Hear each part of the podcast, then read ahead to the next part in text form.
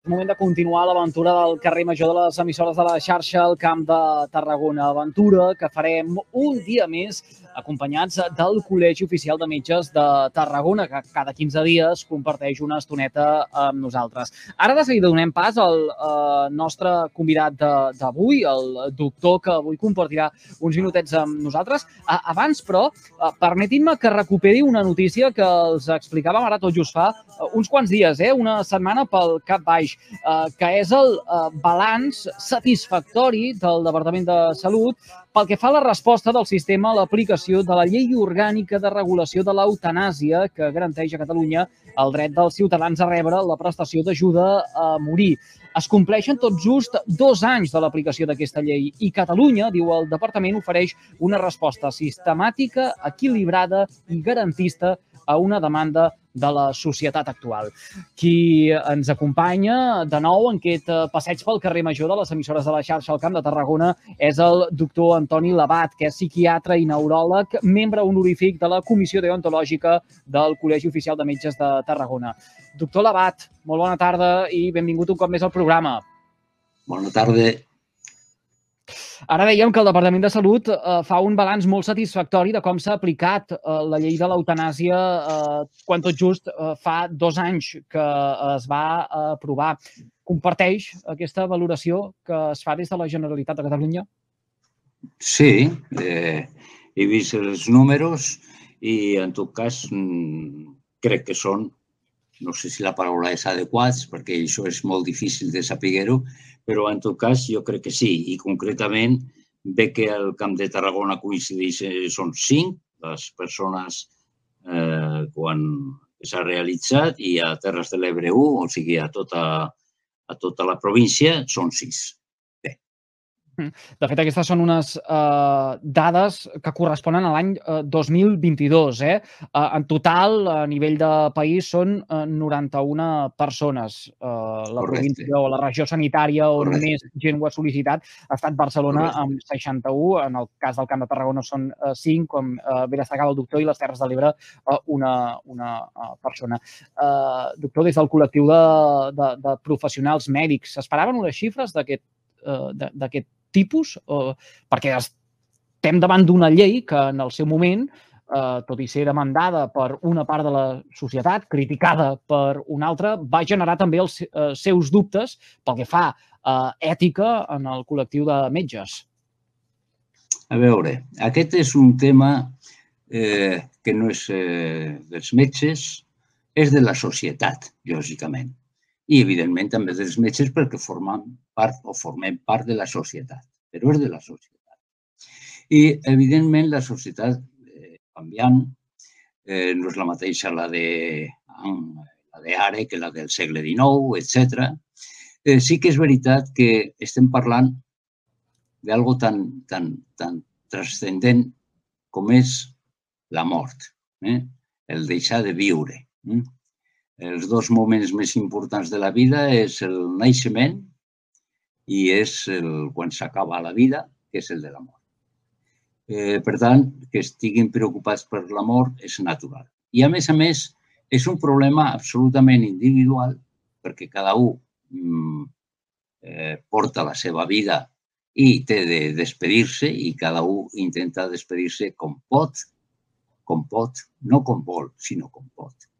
Eh, sí que inclús, deixar-me dir que eh, els anys 18 i 19, eh, abans, però ja quan se començava a parlar de la, de la llei de, de l'eutanàsia, doncs els col·legis de metges estaven preocupats en el sentit de veure que. Inclús el Col·legi de Metges de Tarragona eh, va ser el segon col·legi que fa, va fer una enquesta perquè, per veure si, què, què deien els seus professionals. Eh? Eh, la primera va ser la del País Basc, Bilbao. Mm? I eh, nosaltres van ser uns mesos després, nos, la, nos ho van fer eh, concretament eh, Ceres, de l'Institut de Sociologia i de Mercats, eh, una companyia que es dedica a aquestes qüestions, molt seriosa, i eh, després es va fer amb algun altre, a Madrid, Després van fer una reunió de metges eh, dedicats exclusivament per abordar aquest tema concret eh, en el que van participar, lògicament, el, el, eh, el, el País Basc, nosaltres, perquè jo aleshores era el president de la comissió deontològica mm, que, que vam iniciar aquesta enquesta. I sí que efectivament inclús us diré que va haver situacions enfrentades, com no pot ser igual que en la societat, eh, i també mm, diria que això depenen no solament d'idees, depenen d'ideologies, de criteris, d'opinions. Eh, també us tinc de dir que normalment en les enquestes eh, la gent jove, inclús professionals joves, eh, són més mm, proclius o, o oberts, diríem, a aquesta llei, mentre que les persones eh, majors pot ser que hi ha una mica més de reticència o de tal. A pesar de tot, a Tarragona eh, mm, van, el 90% dels que van respondre, ojo, perquè en les enquestes es té de tenir molt en compte, eh, no, perquè encara que l'enviïs a tothom, eh, o un percentatge molt, molt, molt, molt, molt gruixut per poder donar una, una referència estadística viable, eh, doncs no tothom respon. Tampoc saben els que no responen si són perquè estan en contra o perquè eh, són indiferents o perquè ha, mm, bueno, el que sigui. Eh? Però el cert és que els que van contestar, el 90%, el 90% sí que efectivament eh, estaven mm, d'acord a que es regulés una llei d'eutanàsia. També deixar-me que us digui que eh, en tot el col·lectiu mèdic i en la societat, crec que també, però en el col·lectiu mèdic, eh, una de les majors crítiques que es van fer a la llei d'eutanàsia no era tant a la llei, sinó per què no s'hi ha fet abans i encara no s'ha fet una llei mm, estatal de cuidados paliatius. És a dir, eh, no, no entran en oposició la llei d'eutanàsia con la llei de cuidados paliatius, però curiosament no s'ha fet el cuidados paliatius.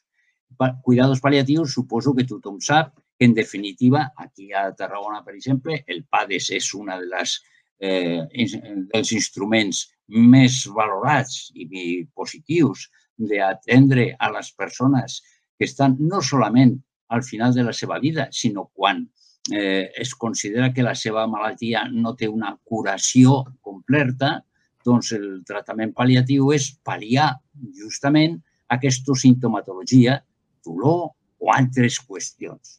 I molts eh, metges i també gran part de la societat consideren que hauria d'haver una llei que pogués arribar a tothom. Per què? Perquè a Espanya, per exemple, segons les estadístiques, hi ha uns 80.000, es diu, 80.000 persones que necessitarien d'aquests cuidados i que per deficiències d'infraestructura no arriben. Llavors, clar, eh, aquí ve la contradicció que de dir, ostres, per què no es fa una llei? Ja sabem que una llei d'aquest tipus és més costosa que una llei d'eutanàsia. Eh, els que van en contra de la llei diuen, home, aquesta és molt barata. Quan una persona deixa de viure eh, perquè ell ha dit, jo vull marxar-me, eh, deixa ja de, de tenir costos eh, sociosanitaris, en definitiva, de personal, de, de, de medicaments, etc etc. No és aquesta la raó, però bueno. En tot cas, i en definitiva, el més important seria aconseguir que tothom, quan esté de marxar, és a dir, el moment de... Eh, pugui fer-lo. Eh, a mi no m'agrada molt aquesta paraula que es parla de, de, de dignitat, sinó en pau. En pau amb si mateix, eh? amb tranquil·litat, perquè com no, no ens queda més remei, i efectivament, mmm, doncs, bueno, sí que podríem dir que, i aquí estaríem una mica també en, en una polèmica, perquè alguns defensen el principi d'autonomia eh, de la persona, és tan important que arriba a dir què faig en la meva vida. Mm? Però la societat també posa uns límits perquè si no posés límits, doncs llavors diria, escolti'm, eh, jo estic mm, meravellosament bé, però mm, vull, vull marxar-m'hi. Aquí, aquí volia anar. Diu.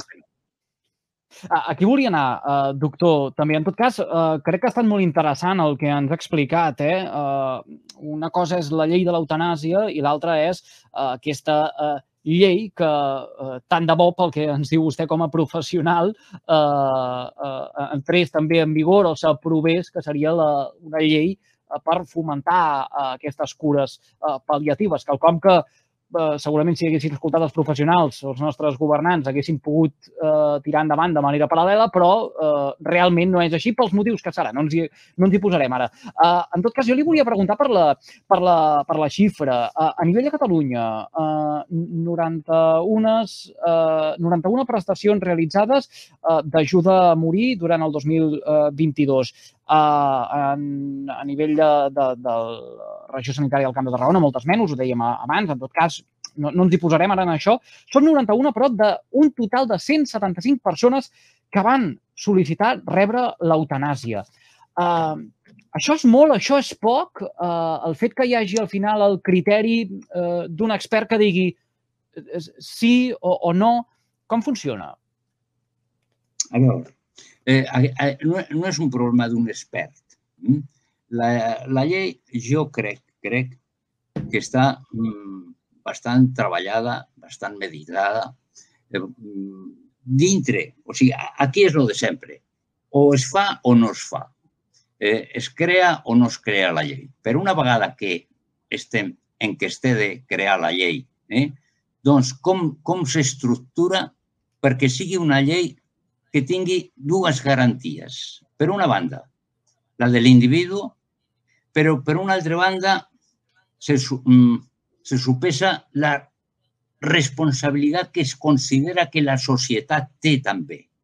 Per tant, aquí eh, dirien que és una autonomia limitada en la mida en què no solament és la persona que diu jo vull tal cosa, sinó si compleix una sèrie de requisits que consideren no sé si des del punt de vista ètic, de sentit comú, de consens social, de, de dir, home, mm, sembla que està mm, eh, ben argumentat o que per aquest mecanisme doncs, no cal llei d'eutanàsia i que cada un mm, faci el que vulgui. Mm? Llavors, des d'aquest punt de vista, no és un criteri d'una persona en oposició al que la demanda, sinó que hi ha una estructura ¿eh? en la cual intervienen varias, varios profesionals de varios tipos, de metges, de, de, de ètics, de juristes, que consideren que dintre del marc que estableix la llei s'ajusta el que aquesta persona demana. Mm? Una de les coses fonamentals, per exemple, és que la persona que ho demana, primer de tot, és que sigui competent, que sigui capaç. És a dir, que no tingui un trastorn mental que li impedeix tenir capacitat de judici a l'hora de poder demanar aquesta qüestió. I després, evidentment, que es considera que els trastorns que presenta no tenen una reversibilitat o una curabilitat. I dintre d'això, avaluar la intensitat la, i la cronicitat, el temps, intensitat i temps, eh, per poder arribar. I quines són les, les, la situació en la que es troba ell des del punt de vista personal, sobretot, però també, també social, d'entorn, etc., com algo secundari en respecte a la demanda que la fa. I dintre d'això, doncs, bueno, i no és per casualitat que alguns casos eh, arriba l'acord o la, la, la, Eh, l'aprovació o no aprovació arriba tard perquè abans aquesta persona ja s'ha mort per el procediment natural de que, bueno, que la vida té un, té, eh, eh té, té un límit. I aquest límit eh, ha sigut anterior a, a, a poder donar-li una solució a la seva, al seu desig. De fet, per això també li volia preguntar, doctor, per la celeritat amb què s'aplica aquesta uh, eutanàsia en el moment en què el uh, sol·licitant uh, ho, ho fa uh, efectiu. eh, perquè eh, les dades ens demostren també que eh, quan eh, és el moment d'aplicar-la, quan es eh, validen eh, precisament aquestes demandes eh, d'aquell de, pacient, moltes vegades ja, o en algunes ocasions, ja ha traspassat. Convé canviar-la en aquest sentit també o, o, o adaptar-la a, a les realitats de, del moment, també la, la llei? Jo, jo no li... A veure, jo personalment, estic parlant a nivell personal ara, eh? Jo eh, jo aquesta qüestió o no la modificaria o no li donaria eh, més importància. Eh, a pesar de que hi hagi persones que es puguin morir abans. Per què? Eh, perquè si volem anar massa de pressa, tampoc això eh, ens donarà garantia de que ho fem millor. No sé si aquí tenim d'anar de dir vísteme despacio que voy deprisa. Mm? És a dir, tenim d'anar a poc a poc. Home, entre altres raons, eh, deixi'm que digui, normalment la persona que ha demanat o que demana una situació d'aquest tipus porta molt de temps, anys, amb una situació similar a aquesta. Per tant, no és un problema de crisi, és un problema d'elaboració personal, de reflexió sobre la seva situació que porta temps, temps i vol dir anys, eh? i per tant, a veure, si tenim en compte aquests anys en relació al temps que tarden en donar eh, la seva opinió la seva de decisió la comissió, eh, és relativament breu. El que passa és que, bueno, sí que una vegada que un pren una decisió, voldria fer-la ja. Eh? Bueno, però això mm, no crec que sigui eh, condicionant com per poder eh, eh, accelerar més eh, de la compta d'aquest procés. No? Hi ha, hi ha alguns casos, pocs, val a dir, però sí que hi ha alguns casos que eh, el pacient es fa enrere, eh, que primer ho ha sol·licitat i eh, després eh, ha demanat aturar aquest eh, procés d'assistència de, eh, de la mort, doctor. Bueno, això, eh, això no sé, t'ho volia comentar, eh? t'ho volia tenir en ment quan has dit això. Això eh, deixar un cert temps, i no vull dir que es tingui d'allargar per aquesta raó, eh? Però efectivament, home, igual passa que en un testament, eh? una persona pot estar que pensa en el dia que mora, doncs els fens o no sé què, i una persona pot canviar mm, dos, tres, cinquanta vegades el seu testament. Per tant, si un és capaç i, i ho pot fer, evidentment. bueno, tal és així que mmm, quan arriba el moment mateix, eh, si aquesta persona, eh, per la raó que sigui, diu, miri, jo ho sé, però voldria tirar enrere, eh, evidentment, el que compta és el que diu en aquell mateix moment aquesta persona i no la decisió que ha pres un tribunal o una comissió, eh, que, que, que, que, que esté de garantir justament eh, que es compleixi eh, bueno, l'opinió o, o el sentit d'aquesta persona. Doctor, ja per acabar, una última uh, pregunta.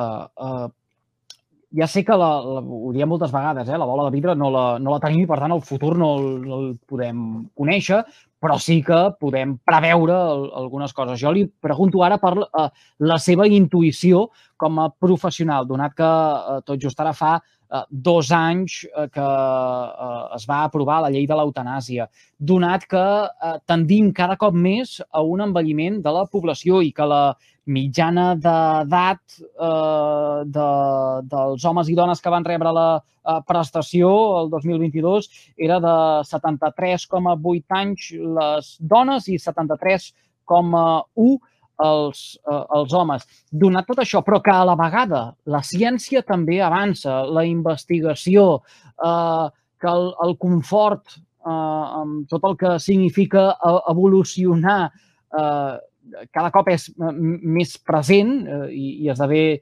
quotidià per una majoria de la societat al nostre eh, territori, creu que veurem com aquestes xifres de demanda de mort assistida i fins i tot al final també de, de les que s'acaben realitzant incrementen els propers anys? Home, això és, eh, això és preguntar per futuròleg, no ho sé. Però, a veure, no eludeixo la pregunta. Eh, és probable que augmenti, és probable. I, però això està condicionat per diversos aspectes, en tot cas. Uns, els que ja els has comentat, de progrés científic, etc en funció de. Un altre està, evidentment, l'envelliment. Mm? Evidentment, cada vegada hi ha més eh, envellits i, per tant, hi ha més processos crònics. Però també depèn de diverses altres coses, com a mínim, de si són capaços d'estructurar uns, uns, uns cuidados paliatius més estructurats. Eh? I això que a Catalunya estan millor que en altres puestos, també hem de dir. Eh? Eh, però es tindria de promocionar més aquesta qüestió del tractament paliatiu. Eh, hi ha altres aspectes que són més sociològics que també tenen en compte. Per exemple, eh, l'estat d'ànim del, del malalt al final de la vida. I quan dic l'estat d'ànim, no vull dir que estigui mm, separat del dolor físic o de la malaltia eh, que té. Però són coses que es complementen. No és el mateix si una persona està en solitud, en la soledat, eh, o està desenganyat, no sé si de la vida, de la família, de l'entorn, etc., que un altre que estigui eh, mm, recolzada, eh, eh, que se senti reconegut d'alguna forma i estimada en aquell entorn, sigui família, sigui el que sigui. I aleshores aquestes coses que semblen que són secundàries, a vegades són determinants a l'hora de dir val la pena viure o no. Perquè, en definitiva, eh, no solament és dolor i és desesperança. Quan un pren aquesta decisió, la pren normalment eh, pensant en ell i a vegades també en l'entorn. No, no eh, deixa de ser un, un estorbo, deixa de ser una càrrega, deixa de ser no sé què, però no és el mateix si es considera que està estimada i reconeguda i que, per tant, els altres també volen que sigui perquè l'estimen que no per lo contrari. Mira, jo et posaré un exemple ara eh, eh, que eh, suposo que no, no sé si ve a compte, però bueno, mm, jo us eh, jo tinc un amic que fa temps mm, tenia la seva dona eh, en llit, no podia sortir de casa, ell treballava, després quan arribava a casa tenia de fer la compra, tenia de adreçar tot, tenia de, de netejar la dona, etc etc. I un bon dia, quan després ja havia passat un cert temps, li pregunto a ell com te trobes i no sé què, i se'm va córrer dir-li una, una insolència per part meva. bueno, al final, ella va deixar de patir i tu te vas alliberar. Mm? Te vas alliberar per el càrrec. És, em va mirar com una mica de, de mirada desafiant i em va dir Antoni, estàs molt equivocat. Jo ara donaria qualsevol cosa per tornar a tenir a la meva dona en les condicions que la tenia perquè més m'estimava la meva vida fent això i tenir-la al meu costat que no passara que estic buit, absolutament. Bé, doncs, mmm, vull dir que cada un ho veu d'una manera diferent. I aquestes qüestions tenen molt que veure i no solament Eh, ho dic perquè a vegades eh, la vida la veiem una mica frívola, no? La veiem, no sé, pensant que ara fora tot està bé, no sé què, i pot ser que no estem preparats per als aspectes una mica mm, frustrants, eh, decepcionants. Eh, bueno, eh, bueno, la societat pot ser, no sé si tindrà de fer en algun moment alguna reflexió eh, d'aquest punt de vista, però bueno, en tot cas no, no ens correspon ara ni a mi.